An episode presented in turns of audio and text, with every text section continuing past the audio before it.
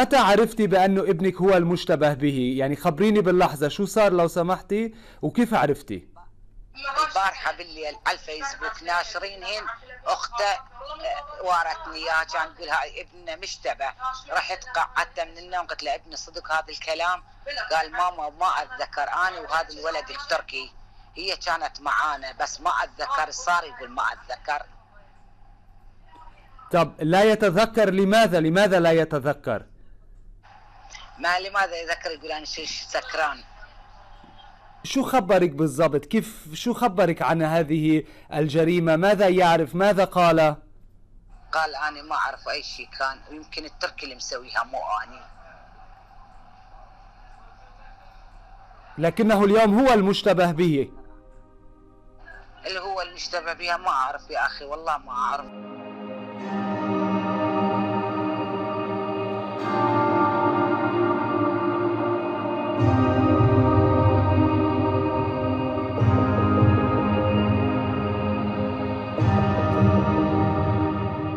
الشرطة اليوم تتهم ابنك بأنه المشتبه به في هذه الجريمة. ماذا تقولين آه أنت؟ أقول كذا مو ابني الوحيد. ابني بلكي غلط كان سكران بلكي غلطان ابني بس الجريمة مو براس ابني الوحدة.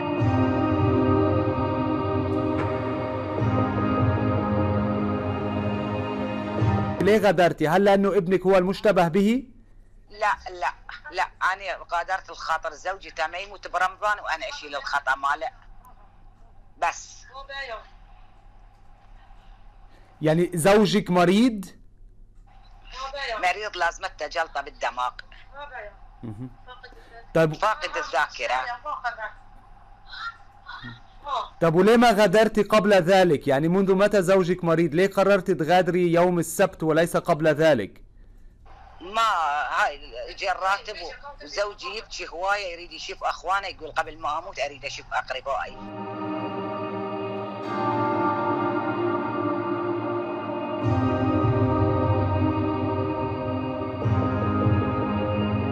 الآن ربما آه، قد يتم تسليم آه، ابنك لألمانيا. ماذا تقولين أنت؟ أنا ما أنا أقول أتمنى عقاب ابني يصير هنا. أنا بس هاي اللي اتمناه واترجاه رجاء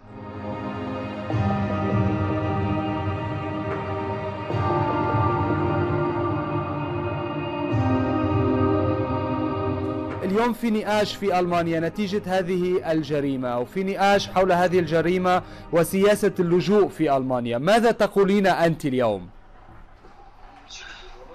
اني أتأسف وأعتذر وأقدم كل اعتذاري وكل أسفي الشديد لهذا الموقف الصار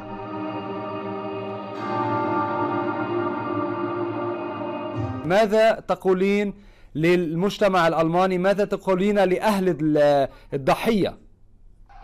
أهل الضحية اني بكل أسف أعتذر لهم واني آسفة وأقدم لهم أقدم لهم كل اعتذار وأسف وقلبي معهم.